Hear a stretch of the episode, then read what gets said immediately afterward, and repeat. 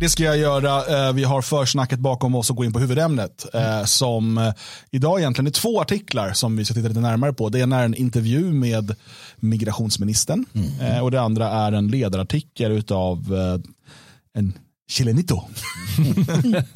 eh, och de här hör ändå ihop lite grann. Jag tänker att vi ska börja med eh, Chilenito. Mm. Eh, för att sen kolla på vad migrationsministern har sagt. För att den, artikel, eh, den ledarartikel som vi har kunnat läsa av Mauricio Rojas i Svenska Dagbladet, eh, den berör många frågor som vi har varit inne på tidigare. Och eh, ska se om jag kan få fram den på skärmen här så kan även ni som ser på videoversionen eh, få njuta av hans chilenska ansikte. eh, Mauricio Rojas skriver då, det nya Sverige kräver att vi är osvenska. Eh, och vi kan väl då redan nu säga att det han säger är inte att vi ska anpassa oss efter mångkulturen i den meningen att vi ska sluta vara svenskar. Nej, han är förvånansvärt klarsynt och eh, jag håller med om det mesta. Uh, gör jag i grund och botten. Uh, sen sen uh, Sen har vi ingressen då. I förlängningen hotar en latinamerikanisering av Sverige med en kollapsad rättsstat, gated community samt maffior som infiltrerar både myndigheterna och politiken. Mm. Och Det här har vi varit inne på många gånger att, vi, att Sverige går i en liknande riktning. Ja, ja visst. Mm. Absolut, det skiljer sig från Latinamerika, Sydamerika och Nordamerika hur man hanterade det här. Och det, finns ju där, det är därför orsakerna. Att de ser jävligt olika ut helt enkelt. Mm. Jag ska ju tillägga att jag, det är ganska mycket jag inte håller med honom om. Mm. Har jag kommit fram till när jag läste, läste om den här. Mm. Ja. Mm. Nej, jag, jag, det är mycket jag, eller en hel del jag inte heller håller med om.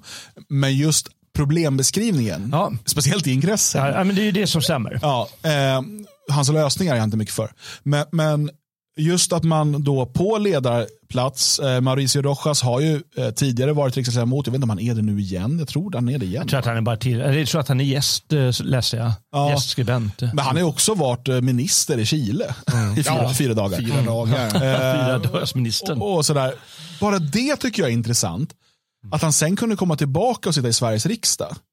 Alltså att du kan vara minister för en stat och sen ledamot av Sveriges riksdag. No, jag menar, jag är inte så mycket för dubbla medborgarskap generellt sett, men någonstans måste man väl dra en gräns. Ja, och han själv borde väl ha lite skam i kroppen tycker man och tänka, är det här verkligen lämpligt? Ja. Men han har ju, vi ska ju klart för honom att han, han har ju ändå en eh, liten, eh, han har ju en annan världsbild. Måste han är folkpartist. Han är liberal patriot, eh, patriot liberal antar jag. Patriot. Ja, men det står han skrivit en ledarartikel för något år sedan som heter Liberal patriotism är motsats till både etnonationalismen och multikulturalismen. Mm. Han är liberal patriot. Han, han är folkpartist och alla som liksom har några år på nacken vet att det ja. räcker med att säga det. Däremot ska vi säga att han, är, han har ju i flera år belyst det här att det är, är, givetvis ett problem med invandringen som vi har och någonting måste göras. Det, det ska han ge credit för. Han blev ju avsatt som minister för att han försvarade Augusto Pinochet. Eller ja, nah, han, var, han klagade på hur... Han klagade på att de ljög om Augusto Pinochet. Ja. ja. Eller att de var för taskiga mot honom. Det var något med Augusto Pinochet och han gillade honom. Så Mauricio Rojas är ju en Pinochet-anhängare. Nej, det är han inte. Han är faktiskt... Eh, om vi ska fastna på honom ett tag. Då. Han är ju gammal eh, marxist eller kommunist då i, från när han var i Chile. Mm. Deltog, var ju någon typ av gerilla. Eh, om han var lite beväpnad men han sympatiserar med dem i alla fall. Det kanske var som grilla. kanske var. Eh, och sen blev han då liberal eh, när han kom till eh, eh, till västvärlden senare, eller till Europa. Och, men han är ju uttalad globalist till exempel. det är inte så att han på något sätt är liksom nationalist i den mening som, som vi känner det. Däremot så har han ju varnat för, som du säger, konsekvenserna av för stor invandring och för dålig integration. Det här ja. som vi har som ett mantra nu. Um, och det gjorde han redan för 20 år sedan. Eh, men även då var ju liksom hans lösningar var ju bara mer globalisering och så vidare. Mm. Eh, han tog initiativ till nätverket Motattack. Mm. Eh, och, och, det var ju då ett, ett, ett, ett, för, ett förening för att driva på globaliseringen och ge motargument mot till exempel attack som ju var en antiglobalisering, vänsterrörelse. Eh, han var också en stor, eh, han, han, han, var en påhejare kan man säga utav USAs invasion av Irak 2003.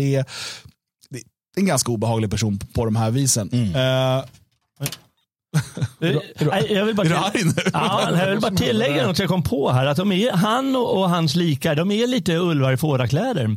För de kallar sig så nationalister, de bör kalla sig nationalister. Mm. Och försöker ta över det här begreppet. Att ja, men det är de, det är deras eh, eh globaliseringsliberalism, liberal patriotism som är den nya nationalismen. Och det är ju inte helt eh, lyckat om de mm. eh, lyckas ta över den rollen. Nej. Och då skjuter de andra åt sidan, till exempel oss. Mm. Påminner ju lite om uh om eh, de här marxisterna i USA som gick och blev eh, någon form av... Ja, det var ju trotskisterna framförallt som blev neokons. Ja, det är ju lite det samma väg här. Så är det. Alltså, det är vänsterliberaler eller vad du vill kalla dem för. Men det är globalister mm. som kan ta olika det ideologiska skrud. Liksom. Men, men, men, ja. men jag tycker att det här är ganska intressant som han skriver. För han säger så här, som vi vet formade Sveriges kultur i en jämförelsevis mycket homogen och fredlig kontext. Mm. Homogen och fredlig brukar hänga ihop nämligen. Mm.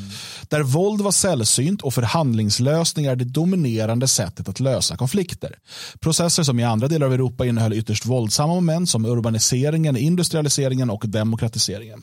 Fortlöpte i Sverige på ett betydligt lugnare sätt. Varken revolutioner, uppror eller blodiga inbördeskrig präglar svenskarnas kollektiva minne. Till det kommer 200 år av extern fred eh, som till sist omvandlade ett folk av fruktade vikingar och stolta karoliner till pragmatiska och konsensussökande förhandlare. Så formades en kultur och ett karaktäristiskt sinnelag, ett svenskt kynne som man brukade säga förr och dess för många utsocknes så förbryllande uttrycksformer. För drygt 50 år sedan publicerade författaren Susanne Sontag A Letter from Sweden där hon sammanfattade några typiska drag av detta märkliga och tystlåtna temperament.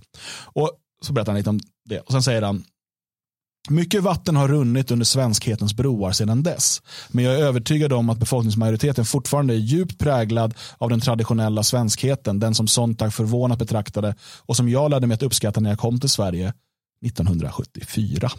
Precis lagom till sammanbrottet. Ja, precis. och sen skriver han så här lite senare. Som bekant befolkas dagens Sverige av stora grupper som är främmande för landets ärvda kulturella fundament med dess värderingar och beteendekoder. Grupper som dessutom lever i ett utanförskap som knappast underlättar kulturell anpassning eller assimilation. I dessa grupper är det vanligt att ett konfliktundvikande förhållningssätt tolkas som svaghet och bristande självrespekt. Individens starka fri och rättigheter uppfattas som ett hot mot den livsviktiga grupplojaliteten. Jämställdheten ses som ett vettlöst påfund av ett feminiserat samhälle. Dessutom är våldsberedskapen hög på det sättet som karaktäriserar samhället där konflikterna är många och statens våldsmonopol bräckligt och ifrågasatt. Mm. Mm. Uh, ja, uh, ska vi se om vi börjar här uppe. Han har ju helt, alltså, om vi börjar gå tillbaka där till uh, Sverige som växer fram. Och som sagt, det är inte, man, man måste komma ihåg att han, han pratar början på, från början av 1900-talet. Ja, det är liksom den moderna ja, politiska moderna, kulturen han pratar om. Mm. Och han har ju allt väsentligt rätt. Eh, vi vet ju det, att eh, den här typen av stabilitet och alltså fred och framåtanda, det progressiva, bra ekonomi, allt det där gör ju människor vad ska man säga, man blir, man blir lite förslappad helt enkelt. Eh, och man tappar lite av den här eh, förståelsen för att det finns andra människor som kanske inte är lika dana som en själv. Och, eh, här uppe i Norden har vi också haft ganska lite kontakt generellt sett med människor av annan sort. Eh, i gränsområden vet man ju mycket mer om hur världen är beskaffad. Så mm. allt det här sammantaget stämmer ju. Har gjort oss till dem som välkommen allihopa, kom till Sverige, refugees welcome, kom och för vi fattar inte att vi inte är, vi är inte lika. Mm. Nej, men det, det ligger ju någonting i det. Men vi har ju inte haft eh, eh den här formen av eh, imperierna. Alltså, hela europeiska kontinenten är ju formad av de gamla imperierna som har eh, helt enkelt eh, gått sönder mer eller mindre. Och då har ju massor med olika uppror och revolutioner och liknande präglat eh, den liksom, politiska kulturen i de länderna. Egentligen alla i hela Europa. Det är bara Finland och Finland har också råkat ut för det. Men det är bara Sverige, Danmark och Norge som har varit lite i lä. Och så är det klart att vi har varit i union med Norge och, och Norge tillhörde Danmark förut men det är ändå ganska eh, lågmält det där. Så eh, det är ju ett skäl till att vi inte förstår det här konfliktsökandet eller den konflikt, eh, självklara konflikten som kan finnas i samhället. Eh, det kanske har gått oss förlorat. Däremot tycker jag att det inte stämmer att, svenskhet, att svenskheten skulle vara så här flat och dan. Det tycker jag han har fel i. Och jag tror, jag tror att skälet till att den här sorts konflikter som vi ser i klansamhället idag inte förekom till exempel på bondesamhället i Sverige. Det bara för att eh, samhället tålde knappt att eh, ett par bondesläkter skulle börja förgöra varandra. De satte antagligen stopp för det mm. i dess linda. Mm. Så att det inte skulle bli som de här gängkonflikterna vi ser idag. Det kanske fanns på vikingatiden, kanske fanns sådana här vet du, ättekonflikter. Det är inte omöjligt. Det har vi sett i kungasverige då på ja. medeltiden och så. Men, men eh, säkerligen, det fanns ju våld även i början av 1900-talet. Eh, alltså mycket mer än det finns idag. Mm. Inte mycket, men, men eh, lite mer idag. Egentligen eh, kanske avtagande, men ändå, alltså fram till Gustav Vasa och den eh, betydligt mer centraliserade och starka statsmakten eh, som kunde slå ner på sådana saker. Så, mm. så var ju det en ja, del eh, utav, utav Sverige. Men, men eh, jag tycker att det finns en poäng här i att för att du sa det här Magnus, ja, men vi sa kom hit, kom hit, allt kommer bli så bra, refugees welcome. Eh, om man tittar på det socialdemokratiska projektet under 1900-talet eh, och den socialdemokratiska ehm, integrationen i form av eh, ett försök att utjämna klasskillnader och så vidare. Mm. Eh, så var ju det något som dels gick ganska smärtfritt och Sverige hade väldigt låga klasskillnader eh, under eh, framförallt 60 och 70-talet. Eh, problemet är som jag ser det, det är att Socialdemokraterna och många andra svenskar i andra partier också eh, har med detta fått det om bakfoten och trott att bara vi ut, alltså om vi skapar de här eh, ekonomiska, den här ekonomiska jämlikheten så kommer människor hålla ihop. För då kommer vi känna en samhörighet med varandra och då blir det inte den här avundsjukan eller, eller sådär. Eh, men då har man helt bortsett ifrån att grundläggande för att det ens skulle gå att genomföra i Sverige, den här eh, utjämnandet av ekonomiska eh, olikheter. Det var att vi var eh, rasligt och kulturellt väldigt, väldigt homogena. Mm. Säg att vi hade varit ett mångetniskt, mångkulturellt samhälle. Eh, varför skulle grupp A gå med på att ge, av, ge ifrån sig sina ekonomiska privilegier till grupp B? Mm. Eh, det, det, skulle inte ske, utan då skulle ens, ens ingruppsintressen ta över. Och här har man då fått för sig, tror jag, åtminstone undermedvetet, att de här människorna, var, oavsett om de kommer från Somalia, eller Irak, eller från Thailand eller vad det nu än är, bara vi ser till att de har det tillräckligt ekonomiskt bra så kommer de liksom sugas in i det svenska samhället och bli som oss. Och Det är därför man hela tiden tjatar om de här socioekonomiska förklaringarna som man knappt hör ens på kontinenten i Europa. Eh, absolut inte i samma, i samma utsträckning. För där har mångkultur, även om det har varit europeiska folk för det mesta, ändå alltid varit en realitet. Och identitet, alltså etnisk identitet har varit väldigt, väldigt självklar. Medan i Sverige som har varit så homogent så har det liksom inte eh, behövts på samma sätt. Och, och, och då har man fastnat i de här förklaringsmodellerna. För det ser man ju nu när de säger, ja men för en sak man gjorde då med det socialdemokratiska projektet det var ju att blanda hyresrätter och eh, villor, hyresrätter och bostadsrätter så vidare för, för att man då skulle, liksom klasserna skulle blandas, gå i samma skolor och så vidare. Samma sak med lumpen skulle fungera som det här assimilationsprojektet mm. mellan klasserna. Och nu så tänker man att man ska göra samma sak med liksom två miljoner muslimer. Så här, men bara vi liksom bygger eh, attraktiva bostäder i Rinkeby, då kommer ju rika svenskar flytta dit och då kommer de lära känna svenskar. Men då har man liksom blandat ihop den här ekonomiska jämlikhetssträvan som sossarna hade med någon typ av med den här mångkulturella, mångetniska strävan som man har nu och tror att de här går att liksom angripa på samma sätt. Mm.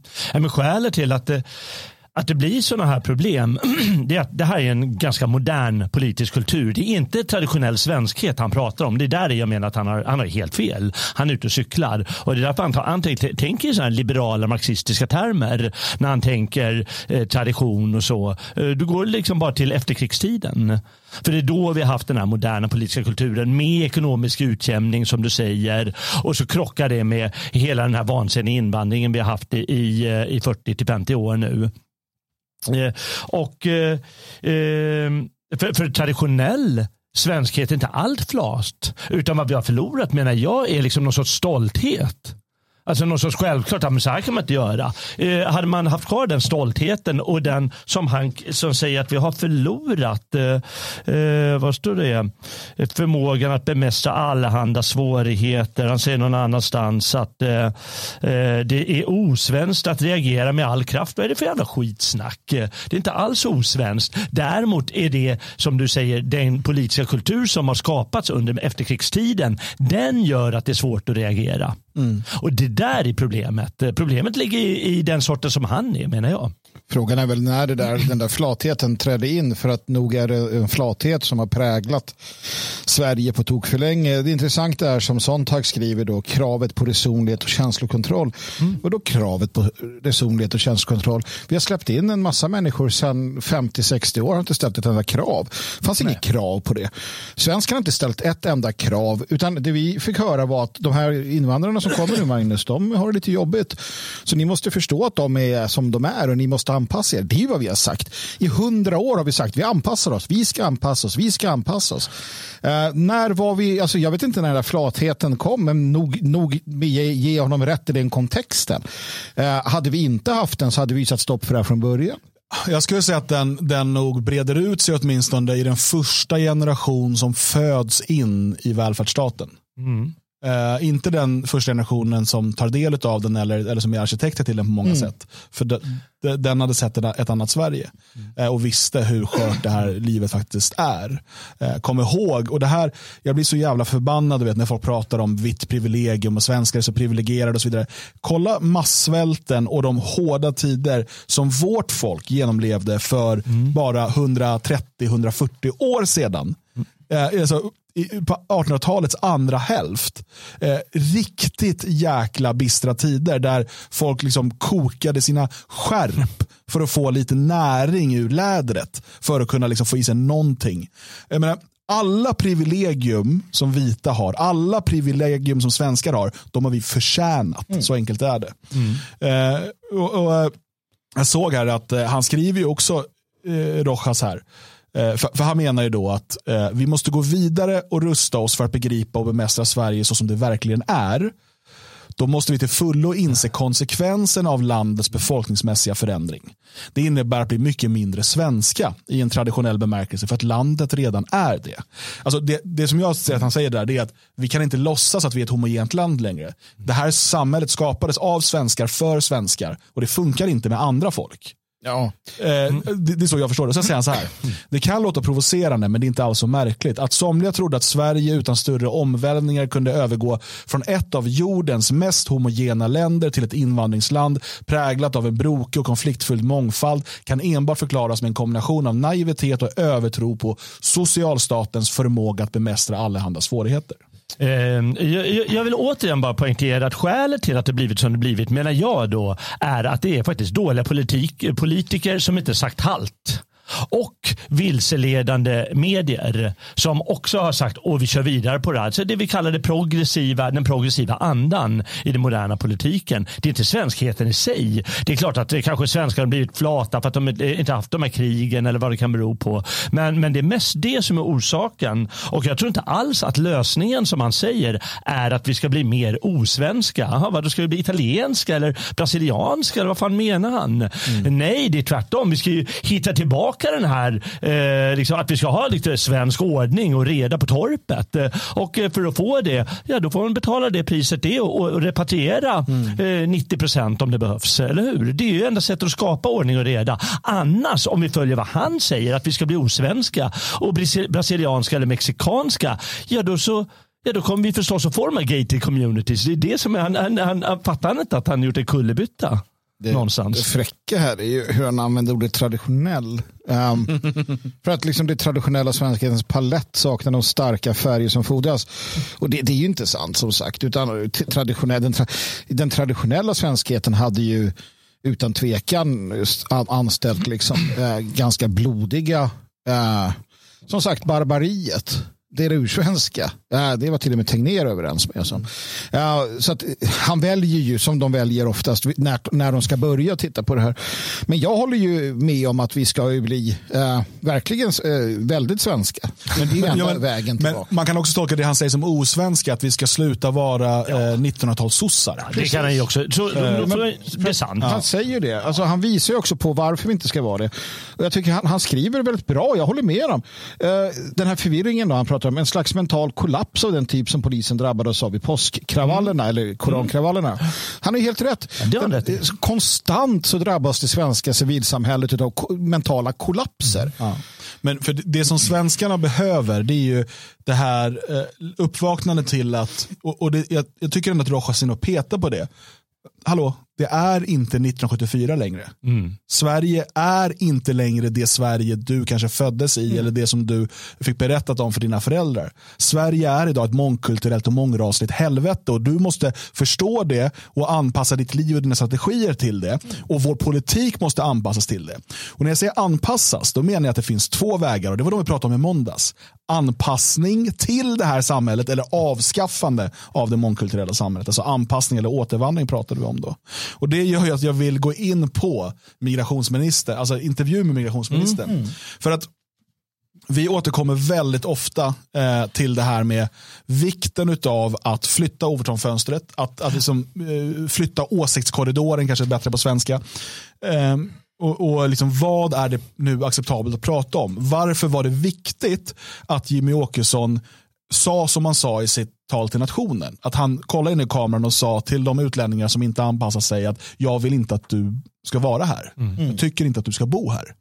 Eh, att han har den rakheten gör att det ger råg i ryggen till många fler svenskar. Det, det är som att vi kopplar om vår hjärna och plötsligt är det liksom inom det som är okej okay att, att säga och tänka. Och Det här menar, det sker ju undermedvetet mm. såklart. Det är inte som man, ja, nu har Jimmy sagt det så nu kan jag säga det. Utan det handlar hela tiden och det är det här som Eh, de svenskfientliga är livrädda för. De pratar om det ibland. Eh, så här, om, um, att det så här, det, man normaliserar hatet eller uh, förflyttningar och bla bla bla. bla. De, de vet ju precis vad det är. Uh, jag, jag, kommer alltid tillbaka till Ali Esbati i någon morgonsoffa uh, dagen efter att eh, Sveriges Radio eller Sveriges Television hade haft frågan hur mycket invandring tål Sverige? Och då säger Ali Esbati, han, han är så Eh, han pratar som att han pratar med en, med liksom en, en, en, en kamrat i Vänsterpartiet. Det kanske han gör också, det kanske den här journalisten var.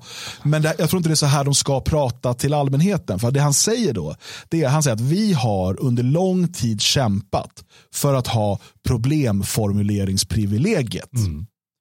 Och, och så förklarar han då att när man ställer den typen av, alltså det är irrelevant vad folk eh, svarar på frågorna. Det viktiga är vilka frågor som ställs. Ja. Vilka problem formuleras.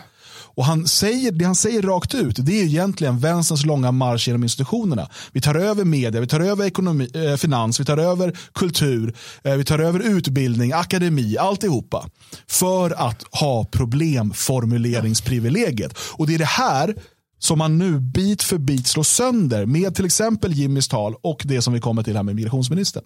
Jag får bara säga, med hjälp av det här problemsformulerings eh, eh, privilegiet eh, och den här nya kulturen som vi haft de senaste 70 åren, 80 åren kan en Ali Esbati lika väl som en svensk vara del av privilegiet och bestämma. Och det är det som är skrämmande. Mm. Och det är det jag menar att men jag vill inte ha liksom en iranier som, som gör de här besluten. Det ska vara svenskar som gör det, som gör det med svensk kraft.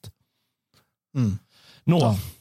Ja. Um, migrationsminister Maria Malmer Stenegard uh, öppnar ju här för en lösning uh, på problemet med de som har dömts till utvisning eller avvisning men som inte tas emot i sitt hemland. Och Det här är ju väldigt, väldigt vanligt. Mm. Det är liksom, du vet, Somalia vill inte ha somalierna. Eh, Libanon vill inte ha libaneserna. Irak vill inte ha irakerna. Utan eh, det, känslan man får, det är att vi har fått deras sämsta. Mm. Och det vill de inte ha tillbaka. Nej, de lärde sig av Castro. ja, men, men, eh, och då har vi det problemet för att så tillvida att vi inte flyger in med, med Herculesplan och bara släpper dem i liksom med eller utan eh, liksom fallskärm. fallskärm. Det, Vilken chock de hade fått. Ja, eh, det är ju ett alternativ, men jag tror att det, då måste flytta åsiktskorridoren några ja, steg håller på, håller på. Men, men vi, vi kommer dit. Eh, nej, men, och då, okay, då måste man ju jobba, då jobbar de inom alla de här bilaterala avtalen och lagar och regler, internationella eh, avtal de ska följa och sådär. Och så eh, kom man på, men vad vi kan göra, det är att upphandla med ett tredje land. Eh, Madagaskar har varit populärt tidigare men det kan finnas andra mm. länder som mm. kan vara liksom, eh, och, så, och då kan vi placera ett återvändande center där. Mm. Och så får personerna befinna sig där tills eh, de får komma till sitt, till sitt hemland.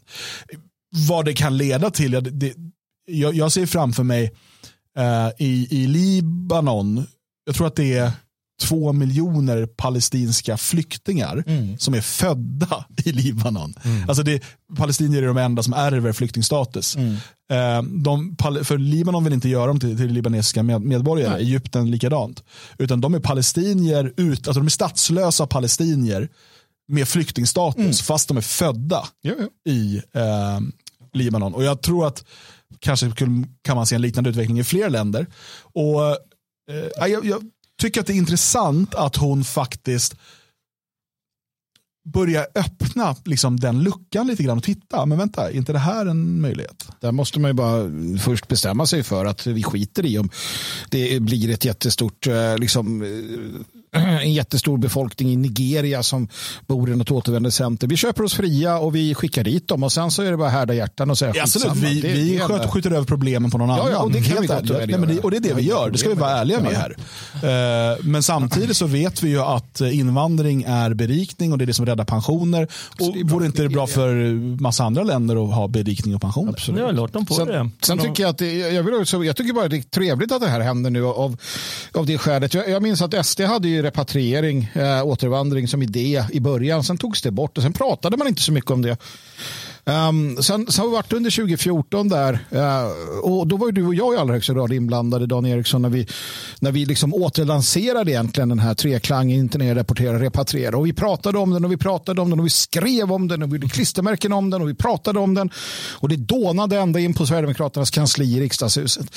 Um, uh, sen så lyfte AFS frågan med det lite snällare ordet uh, återvandring. Och körde runt med återvandringskampanjen återvandring, återvandring, återvandring tills SD var tvungna att börja prata återvandring. Sen slutade SD prata återvandring ett tag, men vi andra fortsatte och så gjorde de det igen. Och nu är det här. Och det är den evolutionen jag vill att du, kära lyssnare och tittare, ska ha. Det började på det sättet. SD en gång för länge sedan, men sen var det så vi i oppositionen byggde upp det här återvandringsbegreppet. Så vi är alla en del av att hon nu, att hon nu pratar om det här är vårt metapolitiska arbete. Och det är ett tecken eh, om något på att det vi gör spelar en jävla stor roll. Så glaset är definitivt halvt fullt eh, och vår uppgift visar sig vara att fortsätta på det här sättet och det ger resultat ända upp i Tidöslottet. Mm. Ja, helt ja. klart. Och man kan titta på det som hon säger och, och, och, och, och där man även borde säga det här är inte hela lösningen. Nej, nej. Det är klart inte det. Nej, klart inte. Men titta nu, vad, vad, alltså, vart flyttar sig mitten? Vad händer med åsiktskorridoren? Mm. Och det som jag, det, när vi såg Jimmys tal och pratade om det, fick åtminstone jag en, en känsla av att SD har insett att nu har mitten flyttat sig så pass mycket att vi kan flytta oss ett steg bort ifrån den till och mm. fortsätta dra den. Och vi står ju liksom och drar i SD. Mm. Eh, och det är vår roll. Eh, men vi måste ju också lära oss att glädjas åt de små segrarna. Alltså varje gång åsiktskorridoren flyttas, varje gång mitten kommer närmare vår position, då ska vi vara glada och fira. Men vi ska inte vara nöjda.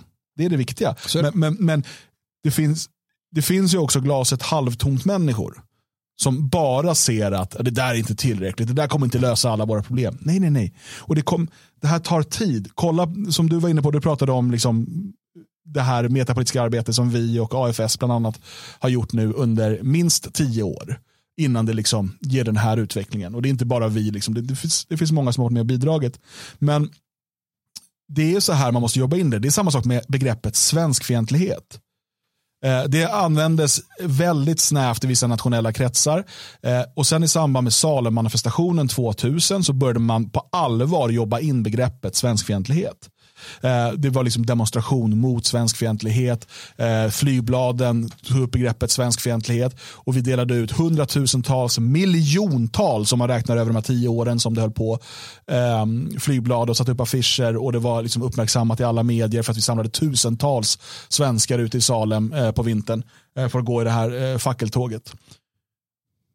I början av 2010-talet då lyfts plötsligt svenskfientlighet i Sveriges riksdag för första gången. Varför? Jo, för att SD hade kommit in i riksdagen och de var så påverkade av det metapolitiska arbete som nationalister under de här tio åren hade gjort. Och nu är det ett begrepp som används, alltså det, det används ju av flera ledande sverigedemokrater mm. och även används av en del moderater idag när de ska mm. prata om det. Mm. Så att det begrepp som vi jobbade stenhårt på att liksom få in i folks vokabulär. Det tar 10, 20, 30 år och sen ser du det börja användas i riksdagen. Och, och det här ju, kan ju för en del vara nedslående. Och det tar, allt tar så lång tid. Ja, det tar lång tid. Mm. Men finn också förtröstan i det. Så länge vi går i rätt riktning, så länge åsiktskorridoren flyttas åt rätt håll, då är vi på väg. Jag skulle vilja lyfta allt Sve i chatten som riktar sig till mig eh, och skriver Men Magnus, du sågade ju mig på Twitter och skrev att inget sådant någonsin skulle hända. Jag vill minnas att det handlade om just återvandringen och att jag var ganska skeptisk till att vi skulle få se återvandringen ske, i alla fall i den mån att det på, på riktigt spelar någon roll utifrån en demografisk situation. Och jag vill att vi gör lite skillnad här. Först och främst att prata om de här sakerna, att flytta fönstret, att propagandistiskt sett, utåt sett, eh, få människor, fler fler människor tänka och tala och vilja ha återvandring. Det är en jättebra idé. Um, tror jag att vi kommer få se det inom en, en nära framtid att svenskarna gör sig av med en miljon människor, att man går in i förorten och släpar ut människor, att det blir inbördeskrig på kuppen. Eller att vi stänger av alla, alla bidrag och de flyr eller flyttar härifrån. Nej, det ser jag inte. Jag ser fortfarande inte det trots eh, de här uh, orden från ministrarna. Jag tror det när jag ser det. Men vi måste göra skillnad. I det här samtalet här så, så tittar vi på olika aspekter. Eh, när vi pratar utåt sett så måste vi resonera kring, kring att pusha och flytta det här fönstret och så vidare. Så det är lite två skilda saker. Men nej, jag tror fortfarande inte att vi kommer få se en betydande återvandring som gör skillnad eh, inom min livstid. Det gör jag inte. Utan jag tror att vi kommer fortsätta vandra den vi vandrar. Men jag, som jag också brukar säga, Rekonkistan tog 800 år. Att jag är med i det fria Sverige, det handlar om att vi bygger för generationer. Så jag, förr eller senare, så går vi antingen under eller så kommer vi flytta på, människor och eh, skapa ett hemland igen. Men det kan dröja 500 år och det har jag inga problem med. Alltså, eh, det man brukar beteckna som arbetarrörelsen i Sverige, eh, alltså de organiserade arbetarna med, med strejker och, och upplopp och allt möjligt de höll på med i början. Mm. Det går att spåra tillbaka till åtminstone, om man ser det i modern form, 1850-talet. Mm. När fick Socialdemokraterna genomföra det socialdemokratiska projektet? 1950-talet. Mm. Det är då man kan börja på allvar. Mm. Det är hundra år av en rörelse som växer fram, en brokig rörelse som splittras hundra gånger på vägen, eh, som har ihjäl varandra och mm. alltså, det, du vet, och, och liksom eh, inspireras av olika utifrån och inifrån och allt möjligt. Eh, det är klart att jag också vill att vi ska ha en lösning imorgon. Mm. Men vi måste ju också förstå att vi är en del av en, och jag ska säga att den, den, den moderna nationella invandringskritiska rörelsen eh, har, om jag ska vara, räkna högt, 50 år på nacken. Man skulle till och med kunna gå ner till och prata om från 80-talet någonstans. Mm. Eh, det finns absolut kopplingar till tidigare nationella rörelser, men eftersom att vi har mångkulturens införande 1975 så blir det en annan, lite annat ljus sen. Och Det betyder att vi är halvvägs mm. till att vara på den där. Och, och, nu har vi ett parti ur den här rörelsen, Sverigedemokraterna, som sitter i riksdagen eh, med 19-20 procent av rösterna. Och då är vi bara halvvägs mm. tidsmässigt mm. mot vad. Och när, när kom Socialdemokraterna till makten? Det var ju strax innan andra världskriget. Eh, och sen behövde de ett tag på sig att eh, kunna på allvar införa det, mm. eh, komma igång med sitt projekt. Så att och jag tror att det är de här perspektiven behöver ha. Det är det ena för, för liksom någon större politisk förändring. Eh, sen kan den demografiska situationen ha förvärrats så pass mycket, den har förmodligen gjort det fram tills dess, att vi också behöver ha Reconquistan mm. som exempel. Prata om 800 år mm. utav organisering och bit för bit ta tillbaka sitt land. Mm. Men det är ju bara när vi har det här eh, eh, jag, jag eh, myntade någon gång eh, ett, ett begrepp om eh, den, den, alltså den långsiktiga strävan ehm, och de små, med de små segrarna. Eller något, mm. Jag kommer inte ihåg exakt vad jag sa. Men, eh, jag ska ta reda på det. det var smart sagt. Eh, och det, det är där, alltså, vi måste kunna ha det här långsiktiga tänkandet, generationstänkandet. Och samtidigt glädjas över de små så segrarna klart. på vägen. Såklart. Annars kommer man ju bli deprimerad och gå ner sig totalt. Ja, här måste vi också våga ha visionerna. Vi har pratat om visioner och vi har pratat om utopier. Och jag, jag ser tydligt hur, uh, hur Sverige eh, kanske då imploderar, sjunker tillbaka. Mellan Vänern och Vättern så finns nationen, hemlandet. Det finns mindre delar här och där som fortfarande är Sverige. Men det är här vi kan hålla oss, det är här vi kan bevara vår kultur, vårt språk. Vi kan hålla stora arealer som är våra. Och det här mitt i ett land som faller samman och det händer alla möjliga saker. Eh, och, och sen utifrån det så kommer den här eh, gryningen, den här solen, strålarna börjar sprida sig utåt åt ett håll och ett annat håll. Men det är hundratals år framöver. Och det, det, det vi gör nu är att lägga grunden för att de ens ska ha en möjlighet, våra våra, efterkommande. Att kunna vara kvar som svenskar, att ha en svensk identitet. Precis som till exempel Orania i Sydafrika. Eller andra. För det, det kommer bli så mycket viktigare också att vara svensk när vi är minoriteten. Vi måste ju förstå detta. Eh, och, och, jag ser det mellan, mellan Vänern och Vättern och gamla, de här gamla områdena. Här finns det all möjlighet att bibehålla ett starkt, eh, ett starkt liksom, rotsystem till, till jorden. Mm. Mm. Jag tänker att vi ska avrunda huvudämnet där eh, och gå in på den prenumerant-exklusiva delen. Ni vet ju om man är stödprenumerant då får man tillgång till hela avsnittet i efterhand. Och det är dels ett försnack här. Det handlade om en människa med konstigt namn och eh, kroppsform. Mm. och huruvida försäkringsbolag ska få eh, fatta vilka beslut de vill. Eh, det kan ni eh, lyssna på i efterhand om ni missade eh, direkt eh, sen. Det är spegelvänd kamera här Magnus. Norrtälje, Norrtälje, Norrtälje. Yes! Jag svarar på chatten. Med att skriva på papper och hålla upp som att det vore gisslan. Ja, det var tanken, men det syntes inte och det var fel. Så att, uh, jag skrek ut det nu istället. Jag vill inte förstöra för dig, men nu gjorde jag det. Men vill du ha tillgång till ja. eh, både försnacket och eh, det som alltid är det prenumerant-exklusiva slutämnet, ja då går du in på svegot.se support. För nu ska jag försöka trycka på rätt knapp här. Och det här har börjat spöka i min hjärna. Eh, för att vi går över nu till ett, eh, ett segment som kan bli oerhört långt. Har vi lärt oss. Det vet vi av Men vi har lovats idag att det ska vara av mänskligt, eh, alltså human längd så att säga. Om du håller på för länge. Vi vilja bliva ett enda folk. Och vi äro av liv. Det vi vilja. Enda folk.